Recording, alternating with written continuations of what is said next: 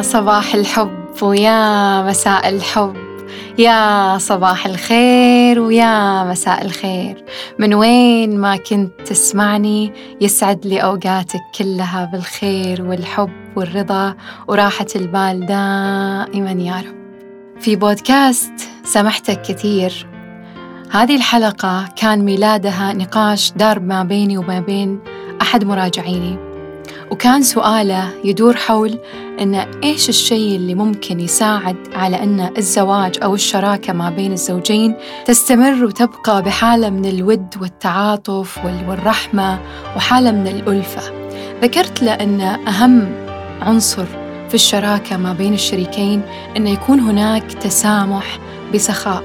بس ذكرت جانب يسبق عملية التسامح لأن لا يمكن لما أنا أتعرض لألم مع شريكي أني على طول راح أسامح أو راح أتجاوز الموقف بدون ما يتم بعض الأمور ما بيني وما بين نفسي حتى أصل لمستوى أو حتى أصل لمرحلة التسامح. ذكرت الجانب الآخر اللي هو اللي يسبق عملية التسامح واللي هو التعاطف. أنا بدون التعاطف ما راح أقدر أسامح. أنا إذا ما تعاطفت مع الشخص وما تعاطفت مع القصة وما تعاطفت مع نفسي لن أصل إلى حالة التسامح. وغالبا اللي يحكي لك إنه تسامح معاك أو اللي يحكي لك إنه سامح كذا أو سامح الشخص الفلاني وهو ما تعاطف معاه غالبا أنا أسميه آه، أشبه بالمجاملة وليس التسامح. لأن التسامح حالة من القبول حالة من الذوبان آه، حالة من آه، التشافي اللي يجعلني أتجاوز بصدق وليس يعني بمجاملة. وأذكر قصة قديمة يعني حضرتها في فيلم وثائقي ولا يزال هذا الفيلم يعني يرجع لي ما بين فترة وفترة وأتذكر عمق التعاطف اللي أدى إلى حالة عميقة من التسامح. امرأة آه، قتل ابنها وتعاطفت وتسامحت مع القاتل. ولا أنسى أبدا يوم وقفت على المنصة أمام القاضي وقالت إن أنا تعاطفت معاه. تعاطفت من وين هو جاء وتعاطفت مع تجاربه وتعاطفت مع آلامه وتعاطفت مع كل القصص اللي أدت إلى البشاعة اللي جعلته يتخذ هذا الأسلوب ويقتل ابني. يا الله يا الله موضوع التعاطف مو كل الناس تستطيعه. وخلوني أشرح بشكل مفصل إيش يعني تعاطف وإيش الفرق ما بين التعاطف والعطف؟ لأن كثير منا يخلط ما بين المفهومين. التعاطف شيء والعطف شيء آخر ومختلف كليا عن التعاطف. التعاطف يعني التقمص العاطفي ويندرج تحت الذكاء العاطفي. أنا لما أتعاطف معاك معناته أرى من خلالك ألبس نظارتك أشوف وجعك من خلالك مش من خلالي أنا مش من خلال تجاربي أنا أو خبرتي أنا سواء خبراتي المؤلمة أو تجاربي في الحياة أو صدماتي أو أيا كان. أنا لما أتعاطف معاك يعني أذيب كل ما يمكن أن يحجب عن إحساسي أو تفهمي لشعورك في هذه اللحظة. التعاطف ينقسم إلى قسمين، التعاطف العاطفي ويعني الاستجابة الفعالة وردة الفعل المناسبة في اللحظة تجاه المشاعر، تجاه الحالات اللي أنت تمر فيها، تجاه أي حالة نفسية تشعر فيها في ذات اللحظة. القسم الثاني هو التعاطف المعرفي ويعني القدرة على أني أتفهم مواقفك أو موقفك الحالي وشعورك الحالي وطبعا كل قسم يتفرع منه عدة أقسام مثل التعاطف الجسدي، التعاطف الفكري أو حتى الرؤية من خلال الآخر وفق خياله، وفق مشاعره، وفق ما يراه أو يظنه ويعتقده. ليش أنا حكيت أن التعاطف يختلف عن العطف؟ لأن العطف يعني الشفقة يعني أني أرى أني أنا أعلى منك وأنت أقل مني إذا كنت تمر بتجربة مؤلمة.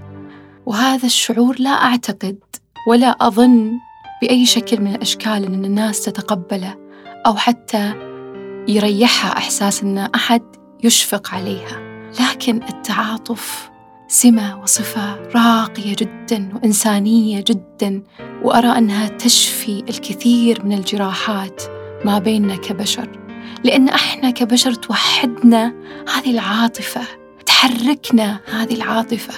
فأنا لما أتعاطف معاك وأشعر من خلالك وأرى من خلالك أستطيع أني أساعدك. لكن لما أشفق عليك وأرى أن أنت أقل الآن في هذه اللحظة أو أنت في مستوى أقل مني لن أستطيع أن أساعدك ولن أرتفع أو أرفعك. وانت ما بينك وما بين حالك. لو شعرت للحظة إني أشفق عليك ما راح يكون شعورك جيد. لكن لو شعرت إني أتعاطف معك وأتفهم موقفك وأتفهم جراحك راح تشعر بالراحة. وراح تشعر بأن أنا في جانب ما إنسانية معك لدرجة أني أحتويك وأساعدك تتجاوز هذه المرحلة بسلام. ولطف وتصل للتشافي. أوبرا وينفري تقول الصراع الذي مررت به في حياتي علمني التعاطف فأنا أتفهم الألم والهجران وأن يكون المرء غير محبوب. وإذا بتسألوني شخصياً إيش الشيء اللي في استشاراتي أو جلساتي يساعد على العملية العلاجية إنها تتم بطريقة سلسة ومرنة؟ أقول لك على رأس القائمة يأتي التعاطف. التعاطف يساعدني إني ما أحكم وأنا ذكرت هذا الجانب بتفصيل في حلقة لا حكم لي عليك. أنا لما أحكم عليك معناته أنا ما تعاطفت معك. أنا لما أحكم على نفسي أنا أنفصل عنها ولا أستطيع أني أتعاطف معها. إحساسي مع مراجعيني يمثل اللي يقوله والت ويتمان. لا أسأل الجريح كيف يشعر بل أصبح أنا نفسي ذلك الجريح قد تكون جراحات الآخرين اللي يحكونها لي مراجعيني ما مريت فيها وما عشتها وما جربتها ولكني أتعاطف وأتفهم هذه الجراح وأساعدهم يتشافون منها من خلال إحساسهم بتعاطفي معهم. أنا أرى أن التعاطف في عمقه ذوبان كلي أني أذوب في تجربة الآخر وأستشعر بشكل حقيقي وإنساني وفعلي كل ما يمر فيه. وهذا قمة الإنسانية اللي تساعد أن الشخص اللي أمامي يتشافى بصدق. برأيي أننا نحتاج التعاطف من أجل رحلة الحياة اللي فيها غموض أحيانا. وفيها آلام وفيها تحديات. فنحتاج نتعاطف كثير مع تجاربنا ونحتاج نتعاطف مع حالنا ونحتاج نتعاطف كذلك مع الأشخاص اللي نحبهم وحتى اللي مو كثير نحبهم أو نتقبلهم. أنا أرى أننا كمان نحتاج أن نتعاطف مع الشخص اللي نعرفه ومع الشخص اللي ما نعرفه. لأننا ما نعرف من وين هو جاء وإيش هي آلامه أو جراحاته اللي مر فيها.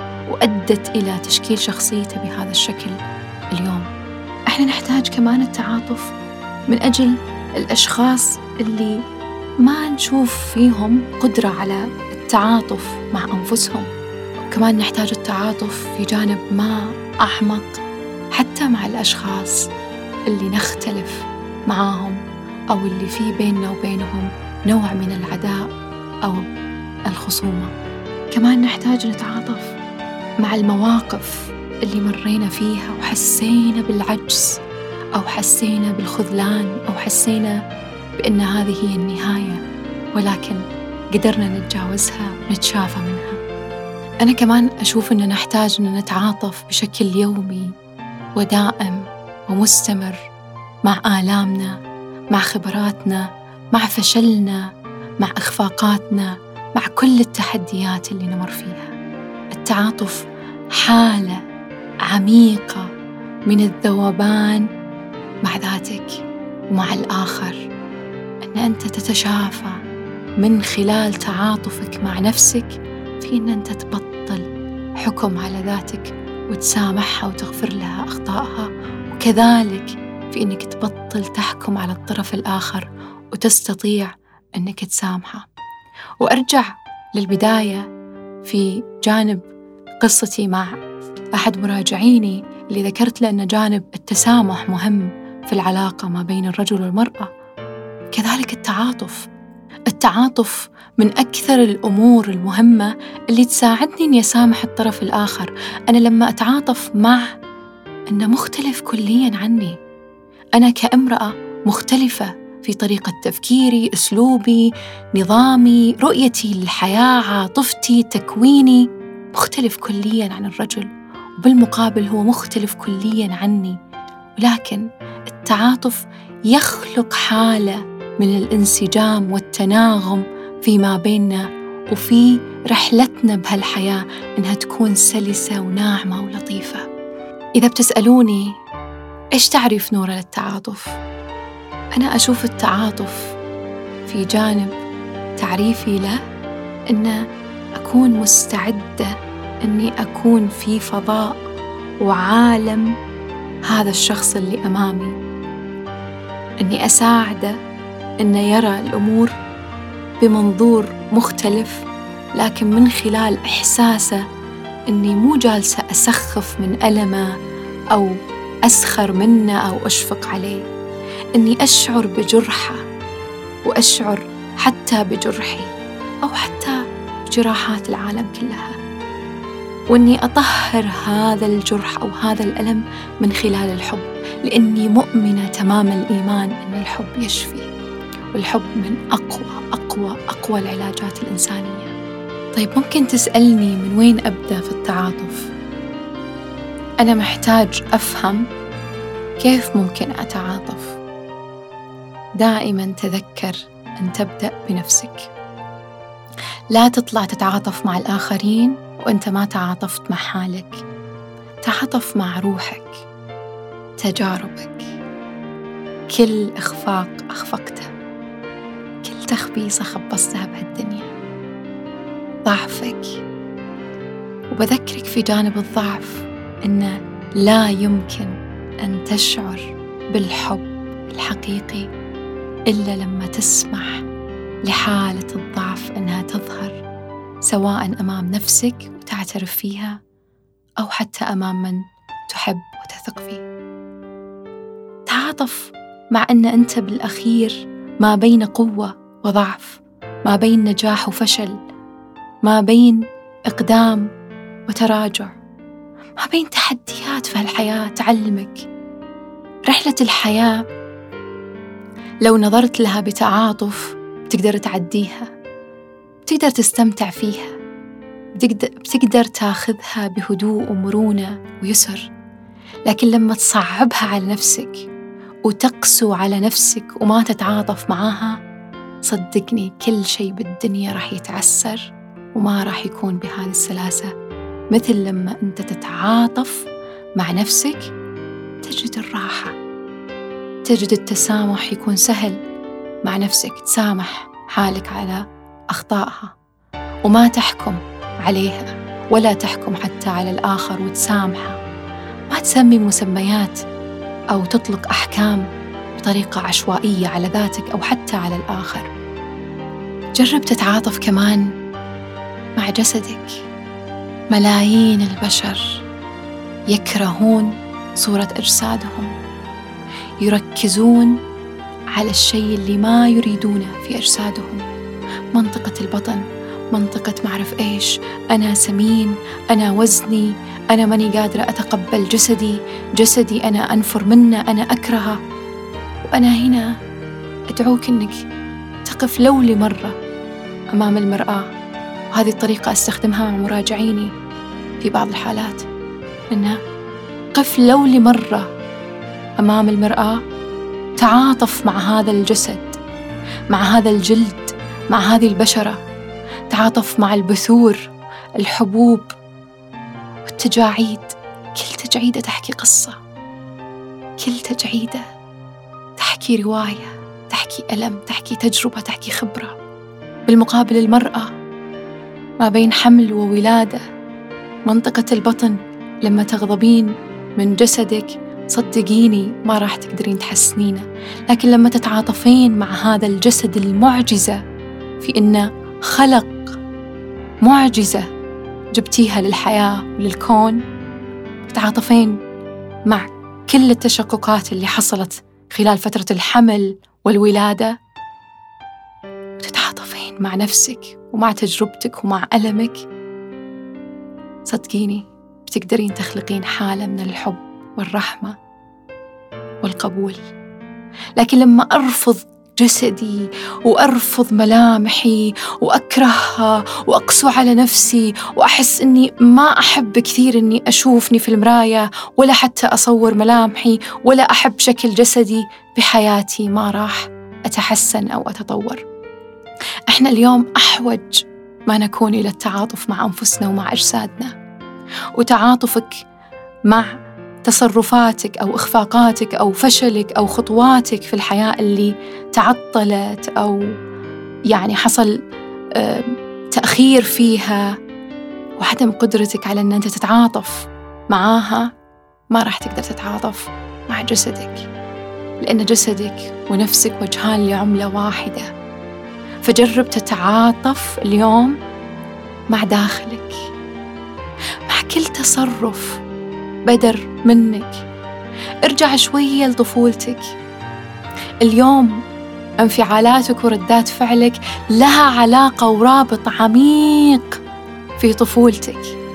تكوينك اليوم بهذه الشخصية وبهذا الكيان لا علاقة في طفولتك في تجربتك في الطفولة. فلما أنا أرفض تصرفاتي أرفض أكره أنفصل ما أحب حالي ما راح أصل للتعاطف. لكن لما أهدى مع نفسي وأجرب أتعاطف مع طفولتي إيش الأشياء اللي مريت فيها في الطفولة؟ إيش التجارب اللي عشتها؟ وأطلع شوية للتصرفات اللي أنا اليوم أتعامل أو أتفاعل فيها ومن خلالها. بعدين أطلع شوية أتعاطف مع هذا الجسد اللي يمثل كثير من الأمور واللي تعطيني انطباع كبير عن الآخرين. أنت من خلال أجساد الآخرين ترى آلامهم ترى أفراحهم ترى أحزانهم ترى بهجتهم جراحاتهم. جسدك يعبر عنك طوال الوقت. فجرب تكسر القاعدة اليوم وتوقف قدام المراية وتتعاطف مع هذا الجسد بكل ما فيه. وتسعى إلى تحسينه لا بأس. ما في أجمل من أن إحنا نشتغل على أجسادنا لكن قبل لا نشتغل عليها خلونا نتعاطف معاها. خلونا نتعاطف مع الداخل مع الذات ونتعاطف مع الخارج ومع شكل الجسد حتى نصل إلى مرحلة عالية ورائعة من الإحسان والتحسين الحقيقي والفعلي. في فرق أني أنا أحسن جسدي وذاتي لأني كارهتها ومو حابتها وفرق كبير في إني أحسن نفسي وذاتي وجسدي لأني أتعاطف وأحب هذه النفس وهذا الجسد. نجي للجانب الآخر بعد تعاطفك مع ذاتك. يأتي تعاطفك مع الآخرين تعاطفك مع المربين والدك والدتك أصحابك مديرك شريكك أطفالك علاقاتك وتفاعلك الخارجي مع الطرف الآخر. خليني أحكي لك تجربتي الشخصية في علاقتي مع والدتي. علاقتي مع والدتي في المراهقة ما كانت ناعمة كفاية. يعني يمكن العلاقة السهلة مع أمي كانت في الطفولة وفي النضج لكن في المراهقة لا مريت معاها بتحديات كبيرة. اللي ساعدني أتشافى من الأشياء اللي مريت فيها معاها في سن المراهقة والتعاطف. أنا كانت مراهقتي فيها بعض العناد والتحدي والتمرد إلى حد ما. كنت أحاول أثبت نفسي وشخصيتي وكانت هي على خلاف هذا يعني العناد. تحاول تهذبني تحاول تصنع مني شخصية معينة. يعني بحكم برمجة المجتمع بحكم ما تربت هي عليه بحكم كثير تفاصيل.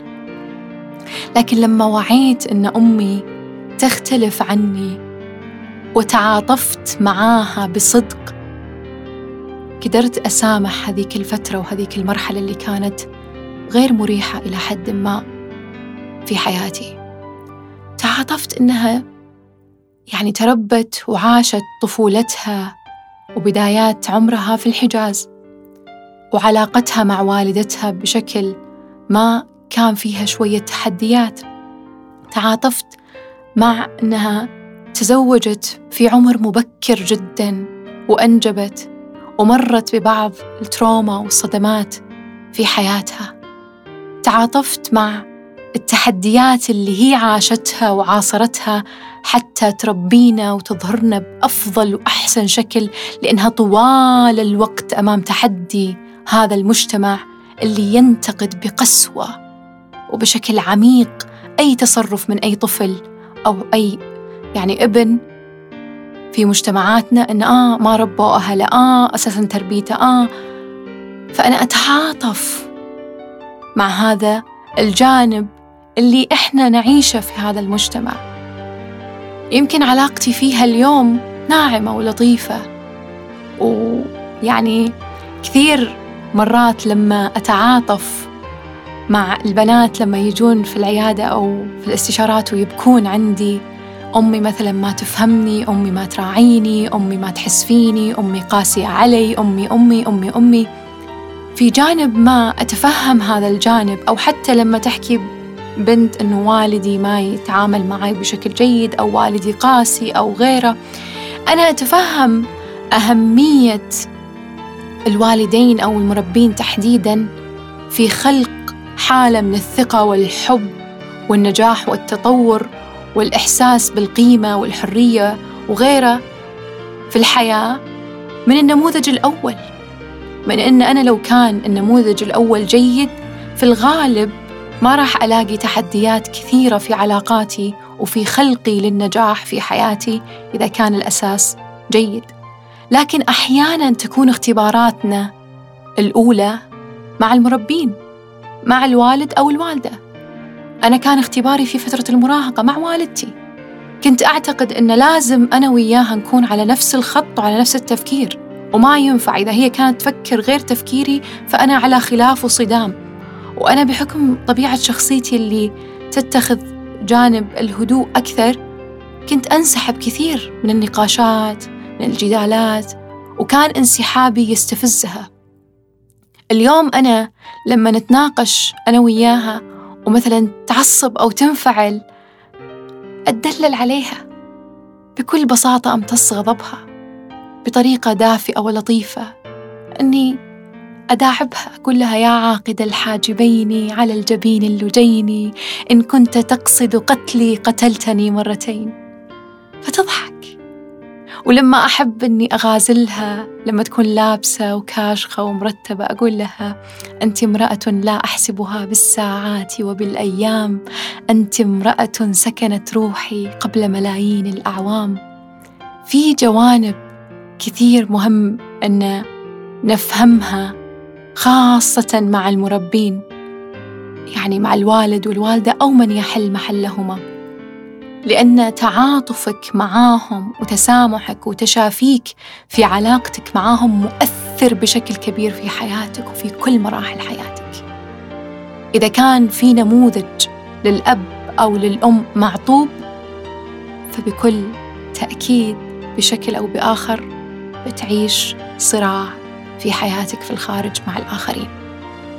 أنا اليوم أتعاطف معها أتعاطف مع الاختلافات أتعاطف مع كثير من الأمور اللي ممكن ما نتفق فيها وقد لا نتفق فيها ولكن اللي يجمعني معاها الحب. إني أحبها وأدرك وأستشعر حبها لي وفخرها فيني وهذا يكفيني. مو لازم كل نقطة وكل معتقد وكل فكرة هي تقتنع فيها. وهي اليوم يعني من الجميل أنها تردد كلامي تقول لي أنا أتقبلك أنا يعني أحترم هذه الأشياء اللي أنت مثلا تقولينها ويمكن ما تقنعني لأني أنا تعاطفت معاها ولا صرت ضدها أو صرت أتحدى يعني اختلافي معاها أو أحاول أثبت وجهة نظري معاها. والدتي سيدة راقية ورائعة وعظيمة وربتني تربية يعني في الطفولة وفي المراهقة إلى أن وصلت لهذه الشخصية اليوم بمراحل أو بتمرحل مريت فيها معاها بتحديات في عمر معين لكني استشعرت وأدركت أن هذا الجانب ربما كان اختبار لي حتى أؤدي عملي كمعالجة نفسية بشكل أو بآخر وأستشعر جوانب معينة مع بعض المراجعين في يعني جانب صراعهم أو التحدي اللي يمرونه مع الوالدة تحديداً. وعلى الجانب الآخر كمان تعاطفك مع مديرك مع نقاط ضعفه مع إحساسه بالخوف لأن في ناس كثير لما تحس بالخوف تحاول تفرض سيطرتها أنا مؤمنة أن البشر بسيطين جدا من الداخل لكن البلورة اللي يرتدونها أو يحيطون أنفسهم فيها في الغالب هي تعطيني انطباع عن خوف الشخص. لما الشخص يكون يحاول يثبت وجهة نظره أو يحاول يقنعك أو يحاول يستفزك هو خايف. فتعاطف مع مديرك اليوم لو كان بهذه الشخصية. تعاطف مع شريكك. شريكك ما هو ضدك. شريكك جاي يعلمك جاي يعطي انعكاس لما تعتقده أنت عن نفسك. شريكك جاي من منطقة مختلفة من ثقافة ربما مختلفة من بيئة وبيت وعائلة مختلفة وعاش تجارب وخبرات مختلفة كليا عنك. فلما يحصل صدام أو خلاف أو اختلاف مع شريكك حتى تصل لمرحلة من التشافي ومن التسامح تحتاج التعاطف. تحتاج أنك تتعاطف معه. تعاطف مع أطفالك. الفارق العمري اللي بينك وبين أطفالك يخليك تتعاطف معاهم. إن وعيهم الآن مو مثل وعيك. وكم احتجت أنت من السنوات حتى توصل لهذا المستوى من الوعي. فلا تستعجل عملية فهمهم. أو وعيهم أو نضجهم. اتركهم يعيشون تجربتهم ولو أخفقوا أو أخطوا في الحياة علمهم بتعاطف بحكمة برحمة بحنية لأن هذا أجمل ما فينا كبشر أن نتراحم ونتعاطف. وقالها الرسول المؤمنون كالجسد الواحد إذا اشتكى تداعى له سائر الجسد بالسهر والحمى. تعاطف مع تجربتك في الحياة مع الأشياء اللي مريت فيها مع التحديات اللي عشتها مع الآلام والصدمات اللي تعرضت لها لأنها خلقت منك اليوم هذا الكيان وهذه الشخصية. تعاطف مع كل تجربة خضتها وطلعت منها لأنها صنعت منك إنسان. يرى بعين مختلفة ويشعر بمشاعر مختلفة ويتعاطف مع الآخرين.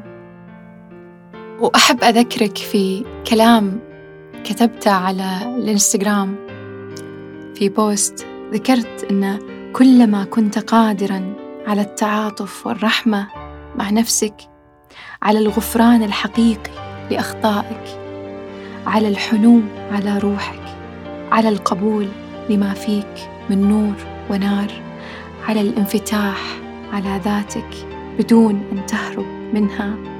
كلما كنت كذلك مع الآخرين بدون كلفة. أن تحب الآخر يعني أن تكون أنت الحب أولاً. لا أن تبحث عن هذا الحب من خلاله وأن تعطيه محبة من ثرائك بالحب وليس عكسه.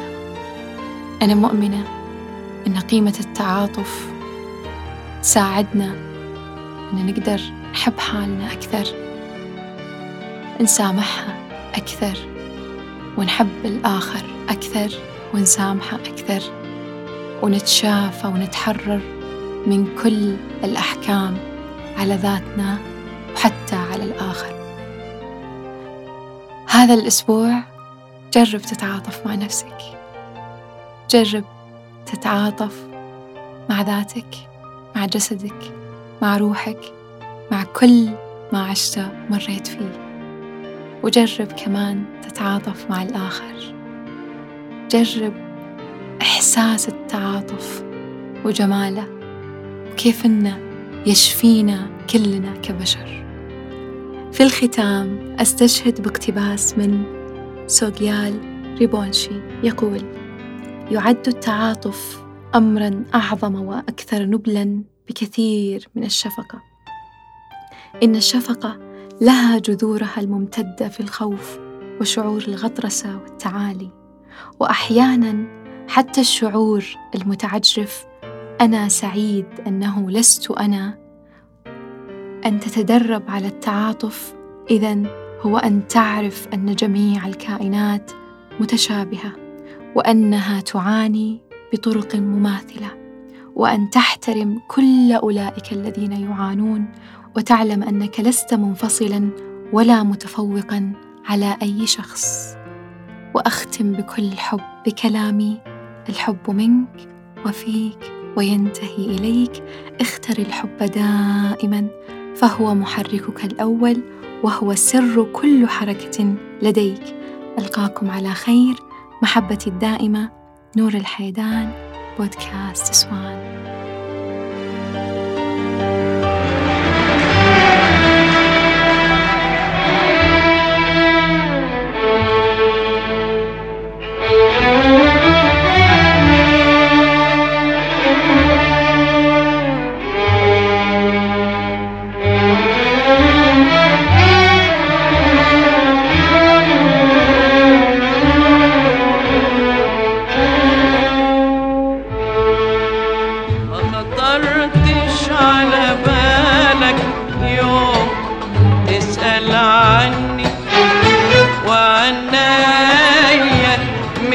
الذكرى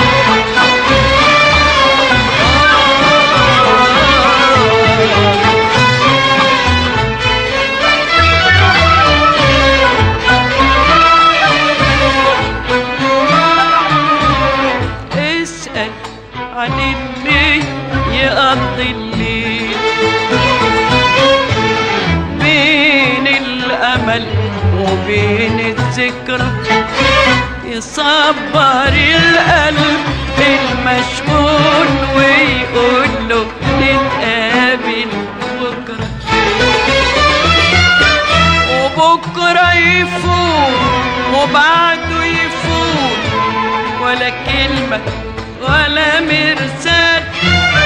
وهو العمر فيه كم يوم وأنا بعدك عليا طار آه يا ناسيني